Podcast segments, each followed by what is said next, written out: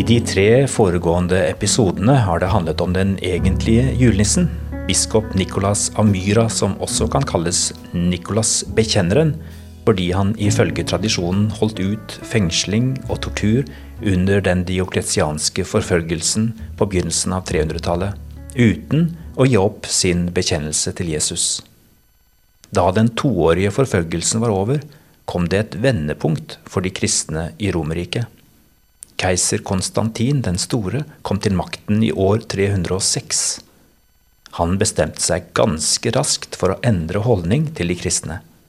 Fra å være en forfulgt minoritet fikk de snart en privilegert status. Kristendommen ble en anerkjent og beskyttet trosretning. Den egentlige julenissen, biskop Nikolas og alle de andre kunne fritt forkynne evangeliet og fortsette sin godhetstjeneste blant alle samfunnslag. Men selv om den ytre trusselen var borte, ventet nye utfordringer på innsiden. En av dem het Arius. Han ble ordinert til prest en tiårs tid etter forfølgelsen i år 313. Raskt ble han kjent for sin veltalenhet. Han hadde en stor forkjærlighet for filosofi og logikk. I hans akademiske univers var det ikke så stort rom for mysterier. Han kunne akseptere at Jesus var et overmenneske, ja, han måtte gjerne kalles Guds sønn, men at han skulle være av Guds vesen, og at han alltid har vært til, det fant han helt umulig å tro på. Jesus, Guds sønn, ble skapt på et gitt tidspunkt og er derfor ikke evig og likeverdig med Faderen, den øverste guddommen, mente Arius. Han fikk mange tilhengere i sin samtid. Disse nyansene kan høres spissfindige ut og lite å bråke over, men mange av de prester og biskoper som bare få år før hadde holdt ut gjennom forfølgelser for sin bekjennelses skyld, de skjønte hva som var på gang. Dette var bare en ny og mer sofistikert variant av vranglære som tidligere kristne hadde bekjempet før.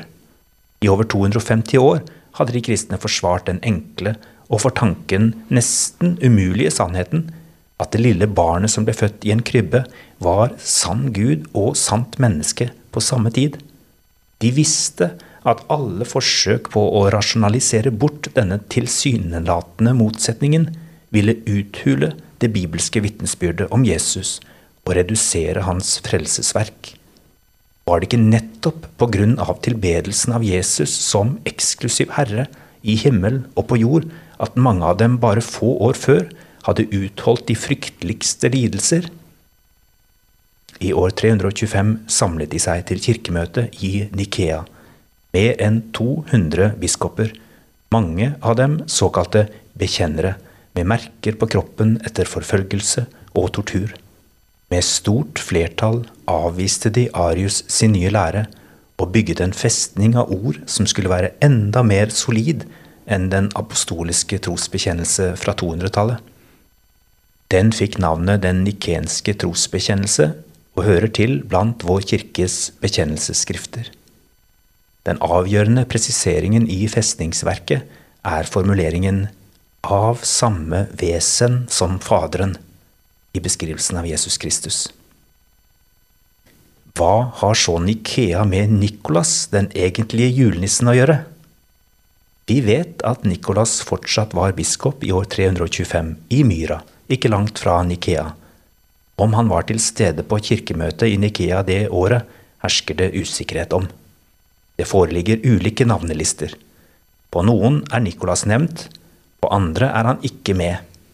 Kanskje var han altfor praktisk av natur til å prioritere å delta på ørkesløse kirkemøter.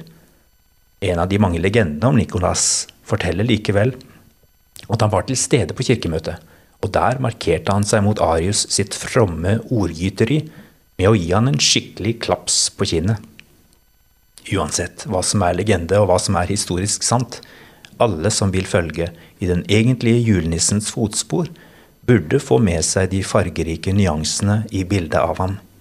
Han er både den godmodige og rause gaveutdeleren Nils, som ikke ønsker fokus på seg selv, men vil at Jesus skal ha makten og æren, og Han er den frimodige og ukuelige bekjenneren Nils, som står skulder ved skulder med trofaste kristne til alle tider i å forsvare det sanne juleevangeliet om Jesus Kristus. Han som i begynnelsen var Ordet, han som alt er blitt til ved, han som ble menneske av kjøtt og blod og tok bolig iblant oss, han som har vist oss hvem Gud er. Gledelig jul og kristmesse i den egentlige julenissens fotspor.